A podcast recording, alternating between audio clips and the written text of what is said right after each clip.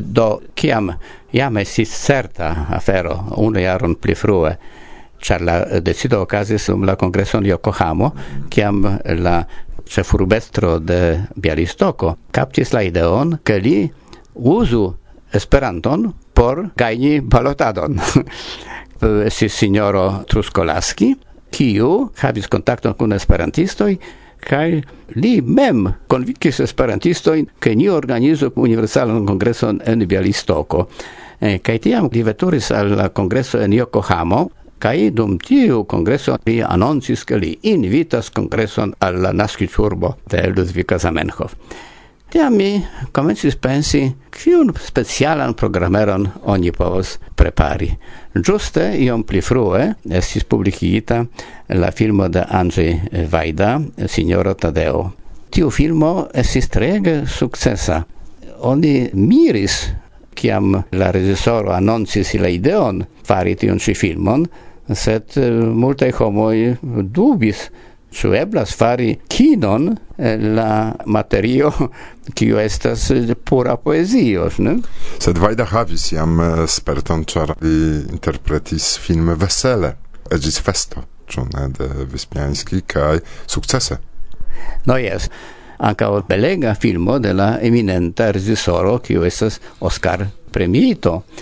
Do tiam mi trovis ke ĝuste en Bialistoko la urbo de Zamenhof, kiun cetere Zamenhof nomis Litovio, ĉu ne? Estus tre bona prezenti la polan kulturon pere de la filmo, eminenta filmo, kaj mi tute eh, la propra iniciato komencis eh, reverki la dialogojn de la filmo en Esperanton, kun la helpo de la traduko de Antoni Grabowski. Mi laboris pri tio unu jaron iomete pli frue antaŭ la congresso mi annoncis mian ideon al Coco So, ca ili tion, mi diru, acetis. i consentis, set esis besonata permesso compreneble, ne tiom da regisoro, set de la proprieturo de la filmo, kiu esis Lev Rivin, kai koje mia miro li trege volonte consentis tute sen page permessis meti la esperanta subtitolo in sur la filmon kai tio estis farita cetere per de la speciala firmao. Sed compreneble mi preparis la tutan parol liston de la filmo kaj tio estis mi ne scias ĉu en la alia lingvo en diras benediktena laboro estis treege malfacila ĉar montriĝis ke la filmo tute ne sekvas Eh, la vento in eh, la cronologia sistema en la libro, sed si sa tre confusita cio Foje casas che actoro parolas en unu frazon, sed duono do estas de unu capitro cae la alia duono estas la alia capitro Do tion fari esis terege malfacila, cetere eh, la strukturo de la filmo estas ankaŭ malsama ol la epopeo verkita. La epilogo, kiu en la libro troviĝas ĉe la fino, en la libro troviĝas ĉe la komenco. La unuaj vortoj de la libro eh, la reĝisoro metis je la fino mem. Eh, do tio estis plej facile fari. Sed eh, mi malkovris, ke Antoni Grabowski tradukis ne la tutun montriĝas che la comencei vortoi en la filmo, esseis dec tri versoi, tutte ne estes traducitain. Kaj bedaurinde mi devis mem anstataŭi eh, la grandan Grabowski kaj traduki tion. Do, la filmo estis farita, acceptita, un la eh, consento de la proprietulo, kaj gi estis presentita. Pasis iom da tempo, Ulrich Linz proponis al mi specialan chapitron por la honora libro al Humphrey Tonkin, do tiel la afero fermigas. Do, kiel trakti tiun brosuron? Da vidu, montrizas, che se oni spectas la filmon, estas mal facile compreni, ne nur tiu influantai subtitoloin, sed la filmo besonas iun clarigon speciale por exterlandanoi char poloi tion pli bone comprenas. Do tia mi revenis el tiu mia eseo, kaj constatis, ke oni povas kunmeti la aferon che mia libretto clarigas la senson de la filmo. Mm? Tiu libro eh, essi subite presentita kaj donita pasintiare, char Pola Esperanto Asocio ricevis iom da mono por soleni la centan da trebeno de la morto de eh, Zamenhof, eh, oni havis monon por iujn eldonaĵojn. Do mi diris bone, do ni eldonu tion eseon kiel apartan brosuron. Kaj giuste ĝi eldonita. Sed poste la afero iris plu. Kaj ni komencis strebi por ricevi permeson kopii iom da diskoj por la educai celoi. Ni turnis sin al firmao kiu estas posedanto de la filmo, kaj ni ricevis permeson, jes, sed ne pli ol kvindek ekzempleroj. Tiu kvindek ekzempleroj estis kopiitaj, kaj ni decidis fari la duan eldonon de tiu mia brosuro Signoro Tadeo Parolas Esperante, kiel io clarigo al la filmo, kaj la disco kun la filmo estas engluita en la libron. Do estas kvindek libroj kun eh, kvindek diskoj. Bedaŭrinda afero estas, ke tiuj filmoj ne rajtas esti prezentitaj eksterlande. Ne? Se tamen mi distribuas tiun eh, al diversaj institucioj, kiuj poste povas ĝin uzi. Mi konvinkigis eh, speciale en Pollando che tiu cun ligo de signora Tadeo kiel superverco de la pola literaturo cun la filmo estas bonega propagando pri Esperanto. To la pero de tiu libro permesis al mi proponi al la organizanto de la congresso in Lisbono che ni presentu specialan programeron okaze de la centa da treveno de la uno Esperanta el dono de signoro Tadeo. Kai montrigis, ke la tema esis eh, acceptita, kai ankaŭ por mi esis granda eh, gioio kai honoro, ke professoro Humphrey Tonkin mem aligis al la afero kai li gvidos la tutan convenon. Ĉu ankaŭ filmo estos prezentota? No, filmo ne povas esti la tuta filmo, ĉar eh, la rajtoj ekster Pollando apartenas al la franca firmao. Sed eh, mi credas ke ni ricevos permeson eh, prezenti fragmentojn kaj pri tio ni eh, nun eh, traktas kaj mi esperas ke ni eh, tiun permeson ricevos. Roman, sukceson mi al vi deziras kaj Post somero ancora oni renkontiĝos ĉe eh, microfono de Varsovia Vento pri Zamenhofen Varsovio kai pri Cabaredo la verda simio kiun iam eh, vidis kai eble revenos ni alla ideo de teatro de Varsovia Vento kai prezentos kelkajn sketchoin Do vidu eh, miel fosis textoin de la verda simio el antau sesdec jaroi. Hmm? Do eh, mi ne certas ĉu ili estas aktualaj, sed tiam ni vidos kiel la aŭskultantaro de Varsovia Vento, kiun mi trege alte taksas, eh, ĝin pritaksas. Koran dankon. Koran dankon.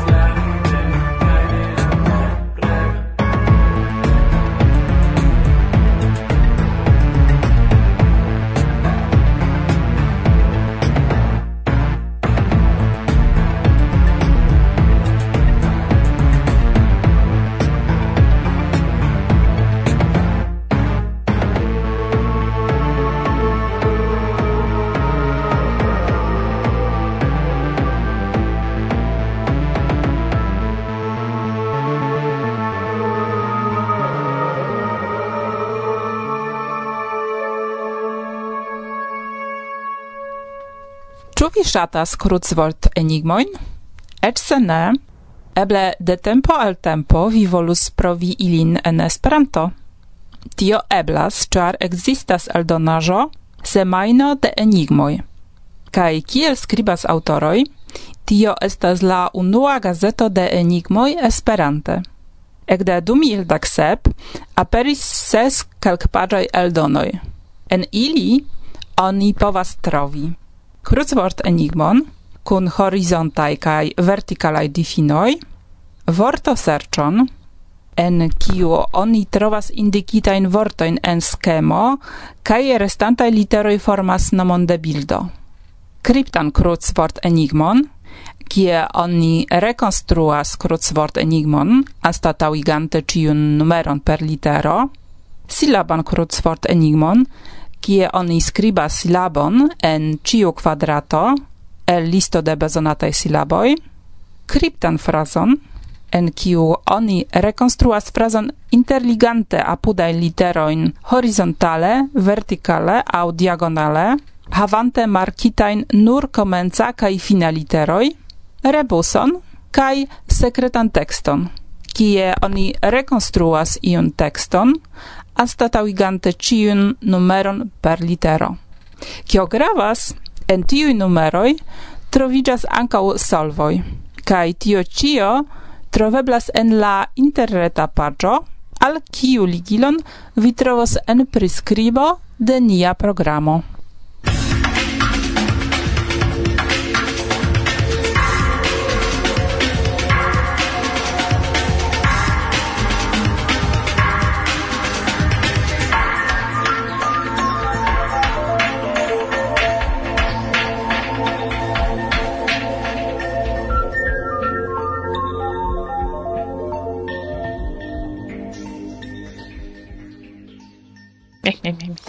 Varsovia vento nelsendoj en eh, provizoraj cirkonstancoj ekster la hotelo ambasador kaj antaŭ mikrofono.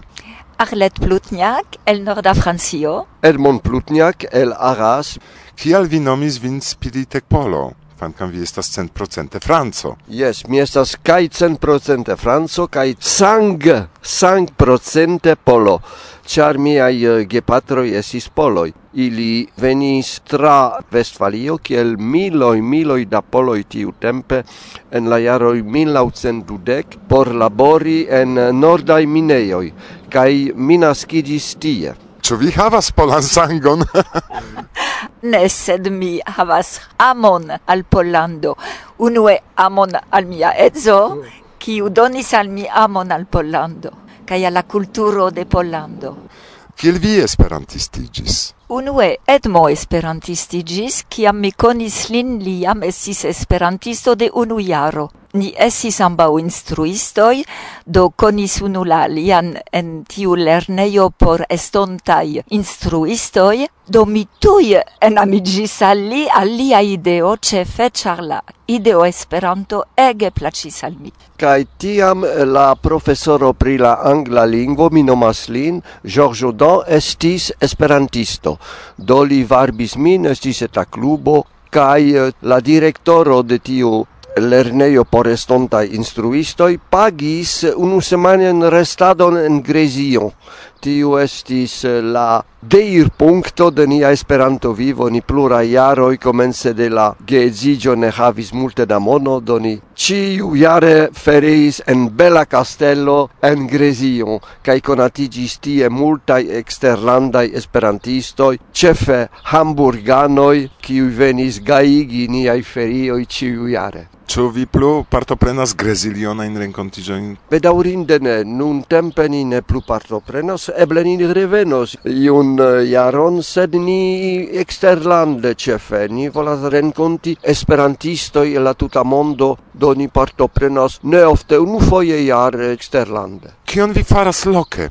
Ni kreis antaŭ dudek finjaroj en la urbo Aras, ĉef urbo de la departamento Patcale, Esperanto klubon ciare ni festas, do ni volas iom soleni la eventon organizante lingvo kai kultur festivalon. Gi okazos la 30 de septembro kai ni jam invitis iomo, kiu koncertos vespere kai dum la tago ni presentos dudek kvin lingvoin de la tuta mondo laula schemo de Denis Kif kiu creis tion antau jam multa jaroi en Francio kai nun disvastiĝas tra la mondo dum unu horo oni presentas unu lingvon kai samtempe dum unu horo kvin lingvoi en kvin diversai salonoi.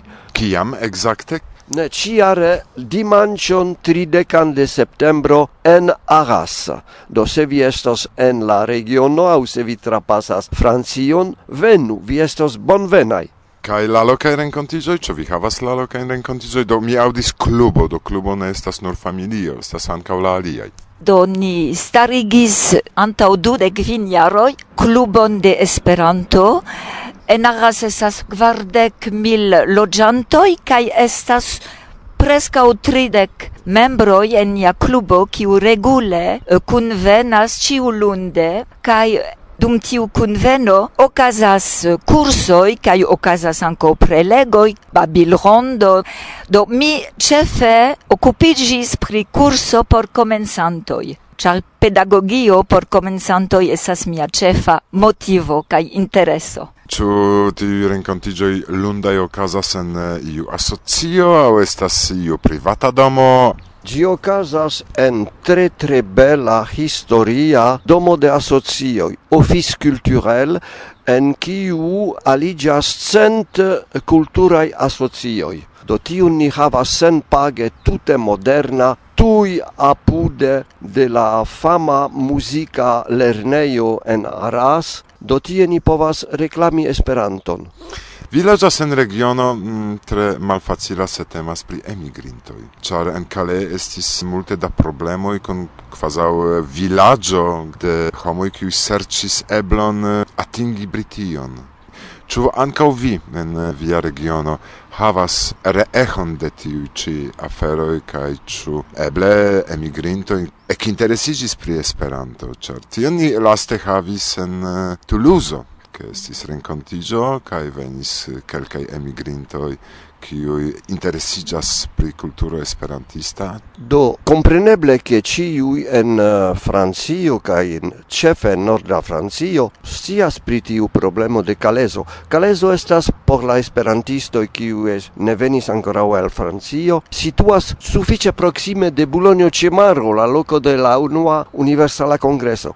Ni ancora un espertis tiun problemon, quancam en uh, la apuda urbeto estas centro multai multai homoi helpas ilin exemple donas senpagaj cursoi pri la franca lingvo conducas ilin ĉe curacisto per propra veturilo invitas ilin do ni nia clubo anca ne directis en tiu ni povus varbi ilin, sed ni devus iri scerci ilin por la cursoi cae tel plu. Se ili venus, compreneble ni acceptus ilin sed la umine estas tiel grava problemo, char en Francio estas suffice da villagioi en centra Francio kiu nun tempe ne havas logiantoi, do ili ne estas tiel mult nombra, ili eble estas tridek mil au kvardek mil, eĉ malpli. do ni povas logi ilin tie, kai ciu ne estas en laboruloj estas inter ili ankaŭ doktoroj inĝenieroj do laŭ mi li povas alporti multe al la landoj kie ili estas. Do ni devas akcepti ilin kiel iam Francio akceptis poloi, kiuj alportis multe al ne nur al la loko kie ili laboris sed ankaŭ en la franca kulturo nun tempe pli ol quindec nomoi poldevenai estas ciu urbestro, ciu deputito, ciu senatano, i calci plu. Do tio estas ricetso, ni ne timu ilin, ni acceptu ilin. Giuste kiam eh, ni diris che ni organizos lingvo festivalon la 30 de septembro, nia ideo estas che ni serciu ciam da lingvoi oni parolas en nia urbo, char en nia urbo estas multai exterlandai studentoi, exemple. Donc nia euh, tasko nuna estas kontakti tiujn diverslingvaj parolantoj por altiri ilin prezenti sian lingvon dum nia lingvo festivalo. Do ni jam kontaktis rumaninon, arabajn personoj kiuj prezentos la lingvon, afrikanoj ankaŭ. Do ne temas rekte pri elmigrantoj, sed pri tiu persono ankaŭ kiu vivas en nia regiono. Bone revenu ni al esperantaj aferoj ni iomete interparolis pri edukadon et kaj vi diris ke kelkajn materialojn vi metis en metiejo ĉu ne? Do mi dum plura jaroj laboris kun Katalin Kovac, do mi dankas ŝin, ĉar de ŝi mi multe lernis. Mi ŝategas pedagogion kaj instrui por mi estas mia pasio. Existas amaso da lernolibro kiun mi foliumis, serĉis ideon en ĝi por instrui el Kai fin fine mi electis eh, libron kiu vere placis al mi, sed aldonis multai multai ideoi al tiu libro kiun mi enmetis en la retejo de Catalin Educadonet. Temas pri la libro de Paul Gubins kiu bedorinde mortis antao unu jaro mi opinias estas kun vojaĝu kaj pere de tiu libro kiun mi spertis kun miaj lernantoj en la klubo kaj kiujn mi aldonis por aliaj eventualaj estontaj instruantoj kiuj dezirus uzi tiun materialon kun lernantoj.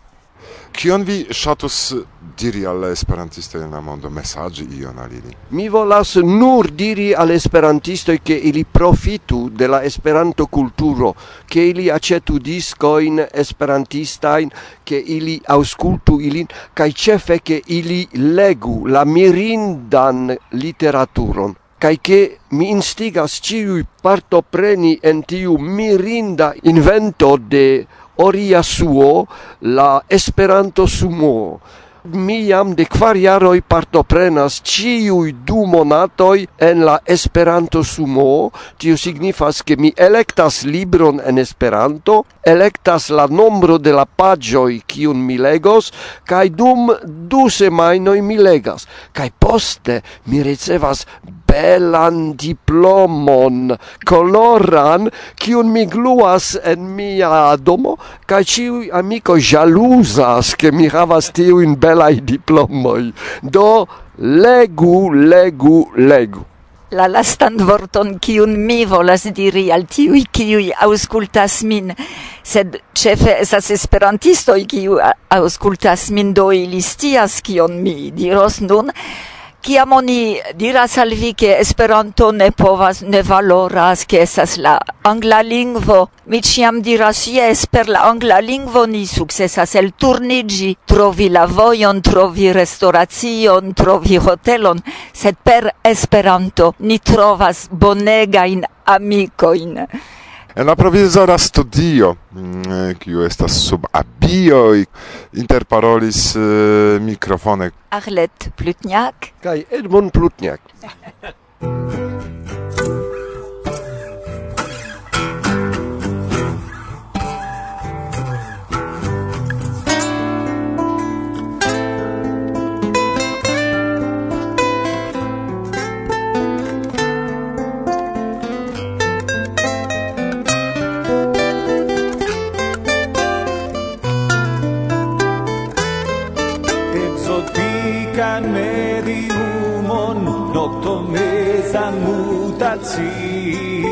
io capis tu te ne preta tu te ne preta li rapidis al friduio sed vane ci estis malplena.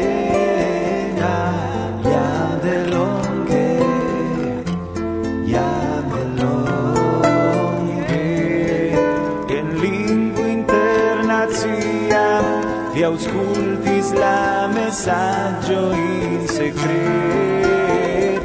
in tu te ne preta tu te ne preta. Exotica medium ne brevi perdition gravan faru curson quae aligio alluea Kaj tio estas cio, kion ni preparis hodiaŭ al vi. La provizora studio de Varsovia vento. Studio sen klimatizilo. Tamen kun bongustaj glaciaĵoj adiaŭas vin. Martusia. Kaj mi, Irek. Gis la baldaŭa reaŭto. Kaj bonan someron ankaŭ al vi au vintron, se vi loĝas en la landoj de la Suda Ameriko aŭ en Aŭstralio. Ah, yes.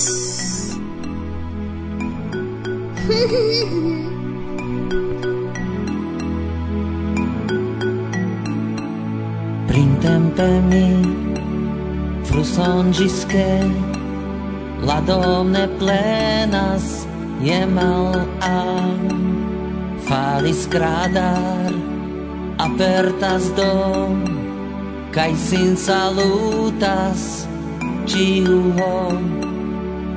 Belaro char ne plu en vi simple mirinda mont. Bonan pli ĉu alpensis vi ne pli bona ne.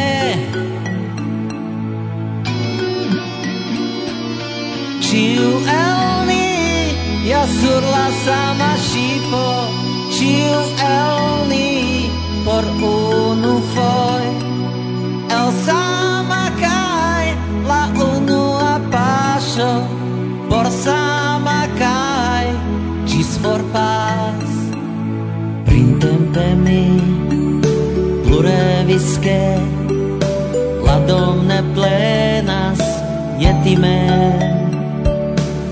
falis skradar apertas dom kai ciu tenas sinche man. Belaron char ne plu en vi simple mirinda mont bonam pli ciu alpensis vi